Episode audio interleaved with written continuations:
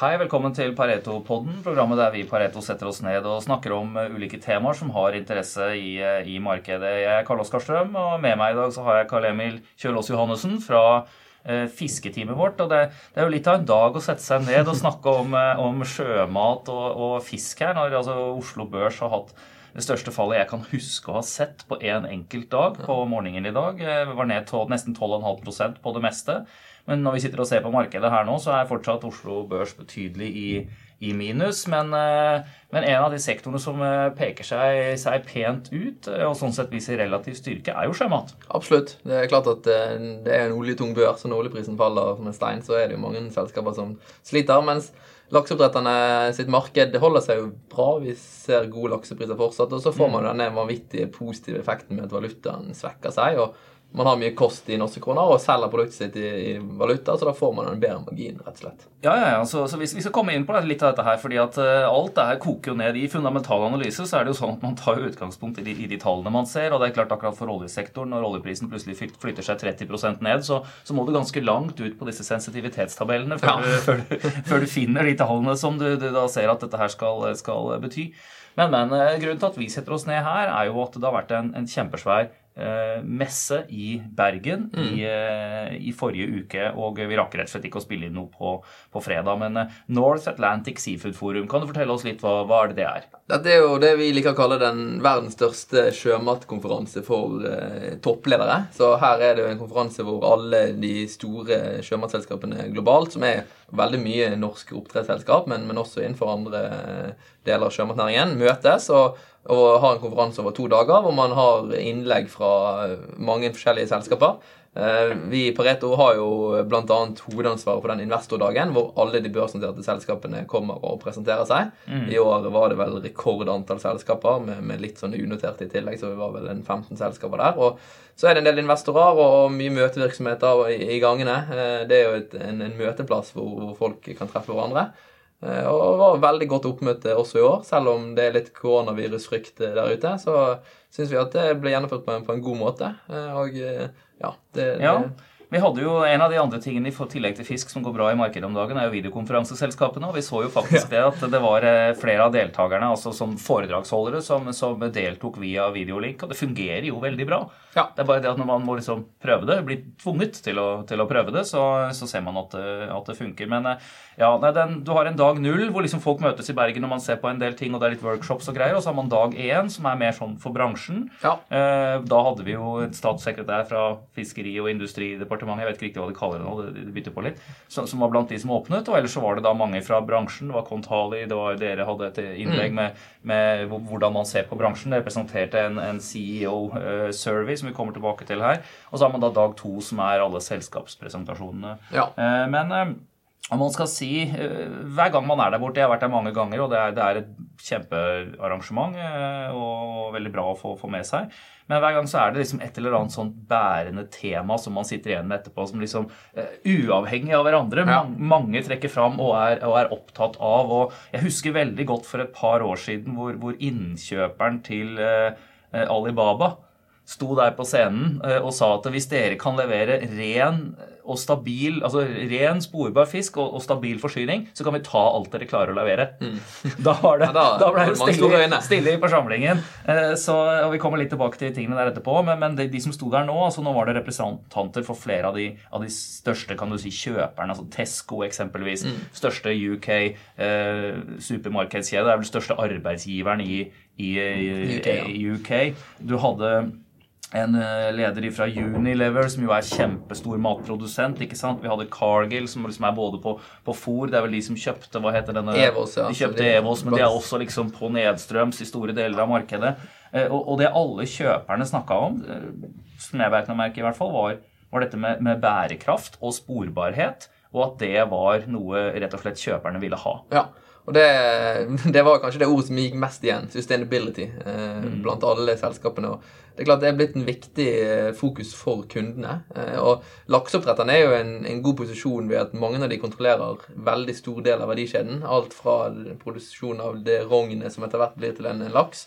Eh, og ha en, en unik mulighet, mulighet til å tilby kundene en, en fullstendig sporbar produksjon av, eh, av proteiner. Og det er jo en posisjon de kanskje bør ta mer, vise mer frem. Og, og, dette fokuset her begynner jo nå virkelig å, å, komme. Og når de store retailerne, sånn som Tesco, på en måte vil ha en, en matvare som er både bærekraftig, men, men også sporbar, så har jo lakseoppdretterne en, en muligheten til å virkelig sette sitt preg på, på konsumet i ja, i Europa og verden for øvrig. Ja, fordi laks skårer jo veldig godt på dette her i forhold til mange andre matvarer. Ja. Eh, det gjør det, som du nevnte, at de har kontroll på veldig gode deler av, av, verdikjeden. Men det er også slik at eh, det er litt forskjell på de ulike selskapene. Og jeg tror man kanskje i begge ender her sånn, både på, på produksjonssitene og eh, på det som man kaller VAP, eller som value added, eller altså når man, man lager et ferdig produkt, mm. kommer til å se en videre trender, som vi for så vidt allerede ser der som rett og slett produsentene må respondere på. Og du ser jo selskapene selv òg er jo veldig fokusert på at de ønsker å være i egentlig veldig stor del av verdikjeden. Det har jo først vært kanskje hovedsakelig Movi, men også Lerøy, som har vært de som har hatt veldig god eh, inngang til eh, denne VAP-delen og har solgt rett til retail. Men vi ser jo også SalMar, Bakkafrost, også Grieg Seafood snakker om å gå mer nedstrøms for å få en mer direkte tilknytning til kunden og kunne selge inn produktet sitt som et sporbart produkt som de har hatt ansvar for eh, fra det ble klekket et egg til du har en eh, ferdig porsjon på middagstallerkenen. Mm, for det er en god story man har å, å, å selge her, egentlig. Men, men, vi ser jo noen produsenter, sånn som eksempelvis Bakkafrost på, på Færøyene, som da bruker liksom eh, Fordi man, man, man, må jo koke nettet til fôret fisken spiser ja. der også. ikke sant? At, at, det i seg selv også er en del av, av verdikjeden og har betydelig å si i forhold til liksom hvor, hvordan produktet oppfattes fra, fra, kunden. Så klart Bakkafrost og Movi har jo gått så langt til at de produserer sitt eget fôr. Um, og, og, har sånn sett 100 eh, kontroll på det. Eh, de andre store lakseprodusentene vil nok mene at de har jo også et veldig stor eh, innvirkning på hva slags fôr de får. De legger spesialbestillinger til fôrselskapene, så de får akkurat de, det innholdet de vil ha. Så sånn sett har man jo veldig god kontroll der òg. Og laksebransjen er jo veldig ordentlig i den forstand at man bruker sertifiserte produkter. Man bruker, selv om man bruker soya, så bruker man soya som er sertifisert, som er produsert på en, en, bærekraftig måte. Og man har et veldig fokus på dette her, at produktet skal være mest mulig bærekraftig standard. Mm. Uh, for det er jo et faktum at hva slags fôr du gir fisken, det har betydning for hvordan fisken blir. Ja. Og også hvor mye stress du utsetter den for. og Det er kanskje noe som noen av lytterne der bør tenke litt på også, at alt henger jo sammen med, med alt. Eh, hva du, du, blir, hva du spiser. Og, det, og, og, og det der, der har, har, stor betydning. Men, eh, men om vi da går inn på på den såkalte CEO-surveyen som dere gjør eh, hvert år. Altså, da, da, sender dere ut et skjema og ja. snakker med, med, lederne i eh, industrien, i selskapene. Ja. Eh, og her er det jo også en del ting som Og dette har dere gjort flere år bakover, og derfor er det litt morsomt også å se da, mm. sant, på, på, forskjellene år for år. Eh, og, og, hvis man begynner litt på, på begynnelsen her, eh, egentlig, eh, så, mm, så, så, peker de fleste på at de, de ser høyere produksjonskost. Ja. Det er jo klart Man har hatt eh, over, hvis man ser ti år, en, en kostnadsøkning i industrien, uten tvil. Ja, vi, vi var inne på den for, forrige gang. Ja. For litt siden. Drevet av eh, valuta og lakselus, eh, hovedsakelig satt på spissen. Så har man hatt en litt sånn positiv utvikling nå i et par år, som vi også egentlig har sett på den surveyen, at folk har blitt litt mer positive. Mm. Men i 2019 har man sett en, at trenden har snudd litt. Og det er jo da igjen valutaen som har svekket seg enda mer, som gjør at fòrprisene kommer opp.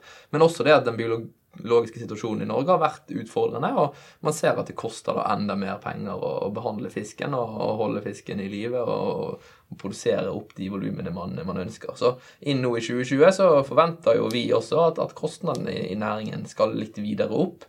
Eh, og 2019 også var et år hvor kostnadene var mm. høyere enn i 18.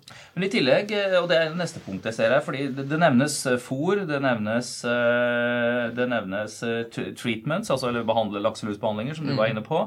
Men det er også slik at, at CapEx, eller kapitalkostnadselementet, øker. Ja. Fordi, eh, fordi, eh, når du ikke kan, kan, produsere mer, og du når liksom tetthetsgrensene i de anleggene som, som, er der, så må man enten opp på land, ja. eller du må ut av skjærs, eller Og alt det der, det er dyrere. Absolutt. Det er jo en helt annen pris på.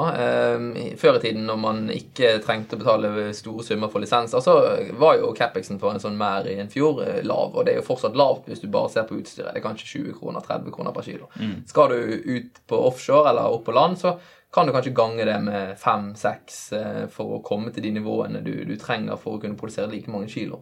Eh, og når det er den eneste muligheten for vekst, eh, så blir det til at Capex-tallet kommer opp. Så ser man òg at det utstyret man har i fjordene, blir mer og mer avansert. Man har mer og mer teknologi for å kunne ta vare på fisken på en best mulig måte. Og så ser man jo òg at det er jo et mer utfordrende miljø i iallfall enkelte av de nye områdene man driver oppdrett. Om det er på Island, eller om det er i Nord-Norge, eller på, i Canada, så er det nok liksom litt tøffere forhold og gjør at du trenger et mer avansert utstyr for å rett og slett klare å drive oppdrett der. Man begynte der det var lettest? Det er litt sånn. Eh, man begynte inne i de mest beskyttede fjordene på Vestlandet, ja. hvor eh, man det basically aldri er bølger som er høyere enn en meter. Sant? Og da er det ganske enkelt eh, i hermetegn hva man trenger å ha av utstyr. Men skal du mer utaskjær, skal du bare i litt mer utsatte områder, så trenger du mye bedre utstyr ser man noen skrekkeksempler, sånn som med Bakkafrost i helgen, hvor man ja, mister mm. en million fisk pga. Uh, eh, at fisken blir uh, drept i en storm, hvor det utstyret ikke tåler, uh, tåler Ja, for det var på en av de mest eksponerte sitene, ikke sant? rett og slett ut ja. mot havet, og der var det, og det var storm, og det ja. gikk, det gikk tapt masse fisk. Ja, og det, er sånn, det, det, det man absolutt vil unngå. og da, da, trenger man å være på den sikre siden og ha et, et bedre utstyr. Mm. Men uh, mer offshore-teknologi, altså rett og slett robust teknologi, robust øh, mekanikk, Capex-tungt øh, teknologisk utstyr for også å få ting utaskjærs eller opp på land. eller på de eksisterende sitene ha bedre, bedre, overvåkning. Altså Alt dette her koster en del penger. Og så er det jo også slik at man har Det er ikke sånn enten-eller. her, man, man, ser elementer av alt dette her hos, hos mange ja. av de store selskapene. egentlig, Og kanskje én ting til som jeg også vil nevne Eh, som det også investeres i, og som drar CapEx, det er jo nettopp dette her value added-greiene. Ja. Hvor, hvor, jo uh, Movi er et godt eksempel, som jo endret navn mm. rett og slett for å ha et bedre brand name, og det gikk de gjennom i markedet. Fordi ja. de, og de viste eksempler på en hel rekke produkter som nå vil se veldig lekkert ut. ikke sant? Du fikk lyst til å kjøpe det med en gang, eh, som, som, skal ligge i, eh, i diskene i butikkene. Ja, og dette er jo en naturlig utvikling. Hvis du ser på alle andre proteinindustrier, om det er kylling eller svin eller eh, storfe, så har man jo sett en kontinuerlig produktutvikling, og man har et mye større varietet av, av produkter enn det man gjerne har til laksenæringen historisk. Eh, og, og, dette her er jo på en måte da neste steg. Det må vi gjøre nå med å virkelig bygge opp en merkevare. Eh, men du ser jo òg de andre produsentene ønsker å produsere mer avanserte produkter, hvor du har disse lakseburgerne, og du har laksetaco, og du har alle mulige måter å tilberede produkter på etter hvert. Eh, og det er klart, de investeringene kommer jo også på toppen av det man har ved å produsere fisken i sjøen. Så er ikke de så store i kroner og øre, men det er jo noe som drar eh, også Capex, dette her. Mm. Så noe høyere kost ser man for seg, og, og det er en av de tingene som, som vi bet oss merke med. Men, eh, men ellers så, så, virket liksom eh, Det virket som bransjelederne hadde et sånt ganske nøkternt bilde av hva de forventet seg av vekst og slik fremover. Og det, ja. det er også ting som, som, du var inne på i presentasjonen mm. som du holdt eh, der borte. Hva, hva, kan vi si om det? Hvordan ser man for seg i forhold til til, til, til, årene før at man forventer etterspørselsbildet utvikle seg her? Altså, man, man, ser jo at det er vanskelig å vokse i de eksisterende produksjonsområdene. Eh, både fordi at det er en biologisk begrensning, men også fordi at myndighetene er veldig strenge i, nesten alle land og ikke ønsker å dele ut mer lisenser um, i dagens områder. Uh, da ser man at man må investere mye, og man må investere i ny teknologi som gjerne ikke er 100 bevist ennå. Og det vil ta tid, og laksens eh, livssykkel er nesten tre år, så det er veldig lang ledetid i denne bransjen. Eh, og derfor føler jo industrien seg veldig trygg på at det er veldig vanskelig å se for seg mye vekst la oss si, de neste fem årene. Eh, de gjør jo alt de kan for å få opp produksjonen, og selv de ser jo at de sliter med å, å, å vokse noe særlig. Noen som bakker fra som kanskje det selskapet som har investert mest penger de, de siste årene, eh, guider jo en, en rundt 6% årlig produksjonsvekst frem til 2025 for sin egen del. Mm. Eh, og det at da industrien skal vokse noe særlig mer enn det, det, det sliter vel folk litt med å, å se for seg.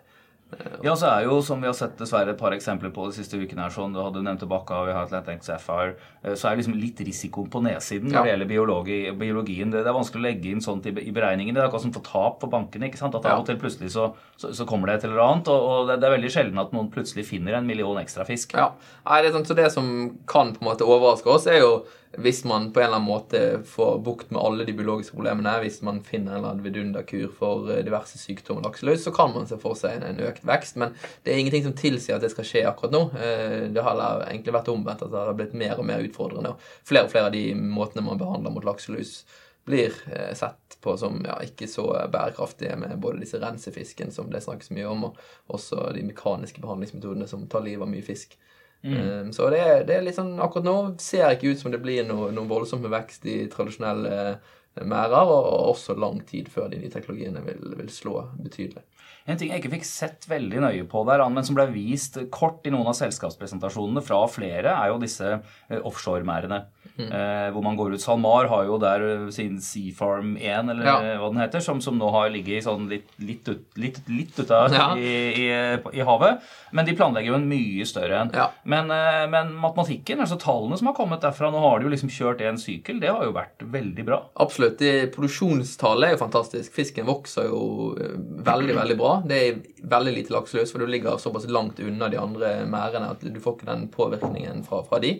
Um, og det gjør jo at du kan fôre hver eneste dag, og med den teknologien vi har nå, så trenger ikke man å være ute på mer enn for å fôre. Så man har uh, mye datasensorer og sånt som gjør at fisken får mat hele tiden, som er jo det viktigste. For hvis du ikke fôrer, så vokser den ikke, og da får du på mye kostnader uten at du får noe særlig volumvekst.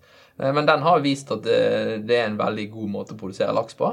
Og, OPEX, som hvis du ser vekk fra høye avskrivninger på denne mm. dyre denne merden. Ja, operating expenditure, driftskostnadene ja, si for til lytterne her. De har jo rett og slett, de har vært ja. blant, på nivå med de aller beste inshore-anleggene. Ja, fordi det er så stort ikke sant? og delvis automatisert på mange måter. og sånne ting, sånn at det, det er ikke nødvendigvis når du først har bygd det så er det greit. Ja, og så er det jo sånn det som er spørsmålet, og det som kanskje er den store usikkerheten er nå, er jo Eh, hva blir byggekosten når du kan få bygget litt flere av disse her i én produksjonslinje, og ikke bare liksom én eh, testsak mm. som blir bygget nå?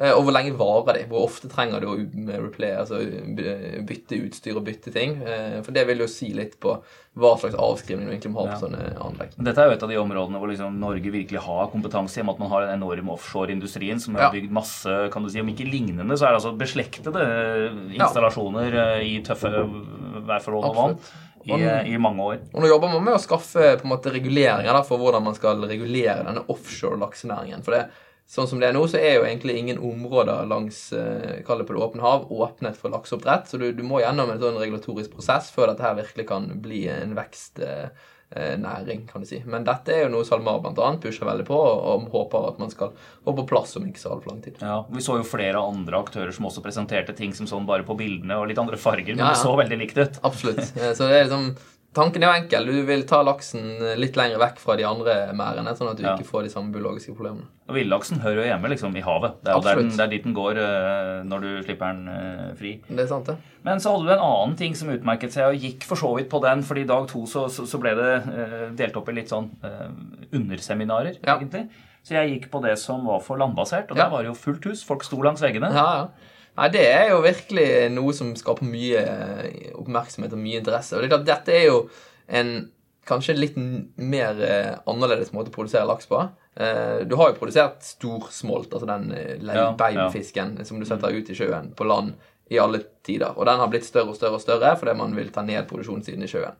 Men det allikevel å gå fra de kall det 500 gram, som kanskje er den største smolten i dag, til matfisk på 5 kilo, det er jo et, et langt steg. Eh, og dette er jo mm. ny teknologi sånn på sett og vis, som gjør at eh, det er litt mer usikkerhet rundt hvor bra det vil fungere. Eh, men det vil jo også gjøre det enda mer skalerbart om det fungerer, og i alle fall om det fungerer med disse resirkuleringsanleggene som gjør at du trenger veldig lite vann. Da kan du mm. plassere det ekstremt mange Ja, Det er det de kaller sånne rasanlegg, ja. hvor du resirkulerer mesteparten av vannet. Og det kan jo i teorien plasseres hvor som helst. Ja. Mens, mens det bet meg merke i, de presentasjonene jeg var og så på, var jo at veldig mange som drev med dette her, de, de drev med, med, konsepter som var veldig site-avhengige, egentlig. Altså avhengig av, av, det stedet det var på. Ja. Uh, du har Atlantic Sapphire i, som, som, bygger et kjempeanlegg i Miami. Der er det helt spesielle forhold med, med vanntilgang, mm. både for å få vann inn og for å få vann ut igjen uh, under. Eh, og så har du eh, Andfjord Salmon, som jo driver med, sånn strandbasert oppdrett, ja. som de kaller det, oppe på, på Andøya. Bygger et mm. stort anlegg for det. Og så skulle det bygges et uh, utenfor Kristiansund, ja, var det vel, uh, Salmon Evolution, mm. som også, uh, også, ligger liksom helt ute ved, ved, ved, havet, og hvor du da ikke behøver Altså du kan ta inn ferskvann, da. Ja, så det er jo de norske aktørene, altså de som vil bygge i eksisterende oppdrettshubber, sånn som Norge, de vil jo mm. ta utnytte den fortrinnet man har i Norge, og det er at man har ekstremt mye vann i havet tilgjengelig, som eh, man ikke trenger å rense. Mer enn de fleste andre steder, vil jeg vel si. Absolutt.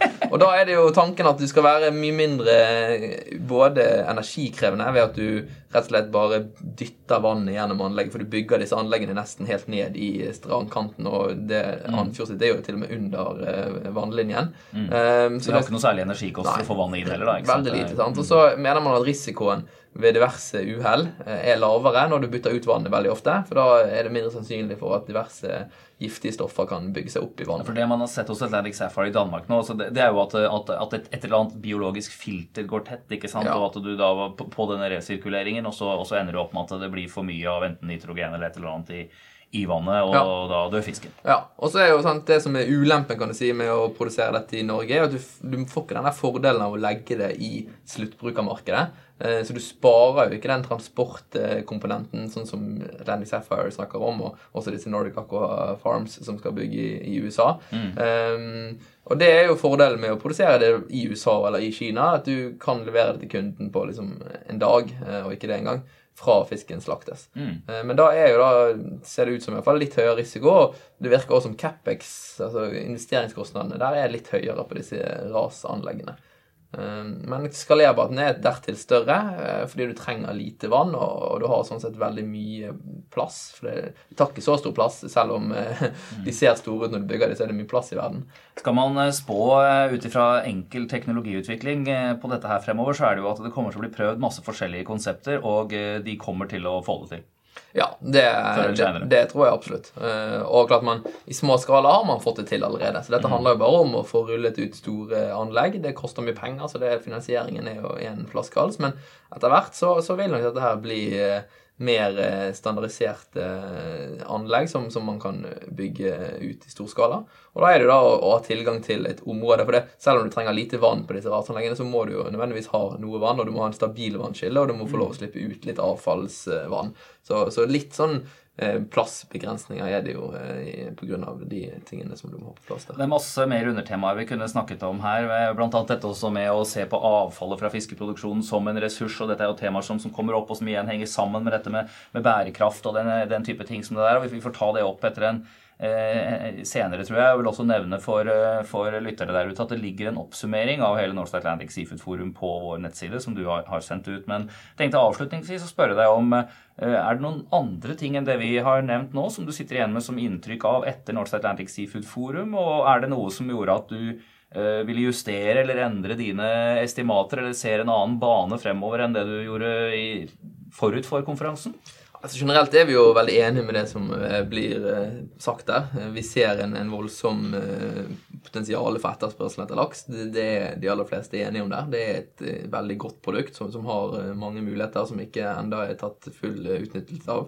Um, så er det jo kanskje enda litt mer sånn pessimistisk holdning til hvor mye vekst man kan få til enn det vi har i våre estimater. Eh, vi ser jo vanvittig mange eh, prosjekter der ute, og hvis man summerer alle sammen, så får man jo litt høyere vekst enn det som disse bransjeaktørene her snakker om. Men Bare oversette for uh, lytterne at pessimistisk med hensyn på vekst betyr at optimistisk i forhold til aksjekursene. ja, det kan du si. For det, for mye vekst er jo det verste. Da faller lakseprisene masse. Mm. Så man vil jo ha vekst, for ellers så får man ikke noe økt inntjening. men men formuevekst er jo ikke så veldig ønskelig. Eh, så kan man si, diskutere opp og ned hva som er optimalt, men eh, i mine estimater så ligger det iallfall inne litt høyere vekstrater eh, enn det industrien selv tror på. Som implisitt skulle bety at jeg trodde på litt lavere laksepriser enn industrien. Men det er jo for så vidt ikke sant. for det, det er jo det siste på en måte del av ligningen når man har snakket om tilbud etterspørsel, er jo hva man tror om laksepriser. og vi tror jo at de skal holde seg veldig sterke i mange år til, og, ligger inne med 60 kroner pluss i våre estimater. Med den valutaen vi har nå, så er jo det også selvfølgelig veldig støttende for en høy pris. Mens industrien selv er litt mer konservativ, kan du si. De, de har ikke liksom lagt inn i sine kalkyler enda at lakseprisen skal være 60 for evig tid, og planlegger ut etter det.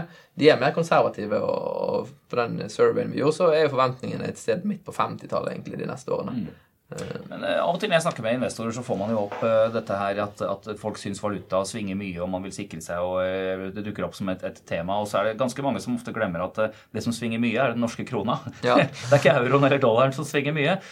og en del av disse selskapene her, de har jo også sider i, flere land. de, ja. de, strekker virksomheten sin, og, og, det er oppstrøms og nedstrøms, og det, det er et mer komplisert bilde. har du vurdert å, å oppgi lakseprisen i euro, rett og slett? For ja, eksempel, altså, eller vise de grafene, bare for å vise at egentlig så er det jo Bildet ja. er mye mer stabilt kanskje enn det folk eh, tror. Og det gjør vi jo også. Så hvis man ser på disse ukerapportene våre, så får du også sett lakseprisen i euro. Eh, men klart, når de aller, aller fleste selskapene her rapporterer i norske kroner, og det er norske selskaper, så er det på en måte den lakseprisen i NOK som blir den mest relevante for dem. Mm. Men så har du sånn som Movi, som eh, rapporterer euro, eh, som har mye virksomheten utenfor Norge. Som på en måte kanskje, og som også snakker om lakseprisen i euro når de selv presenterer. Mm. Som kunne man kan argumentere for ikke ha den samme valutaeksponeringen som kanskje de rene norske, sånn som SalMar og Lerøy og Norway Royal Salmon og Grieg.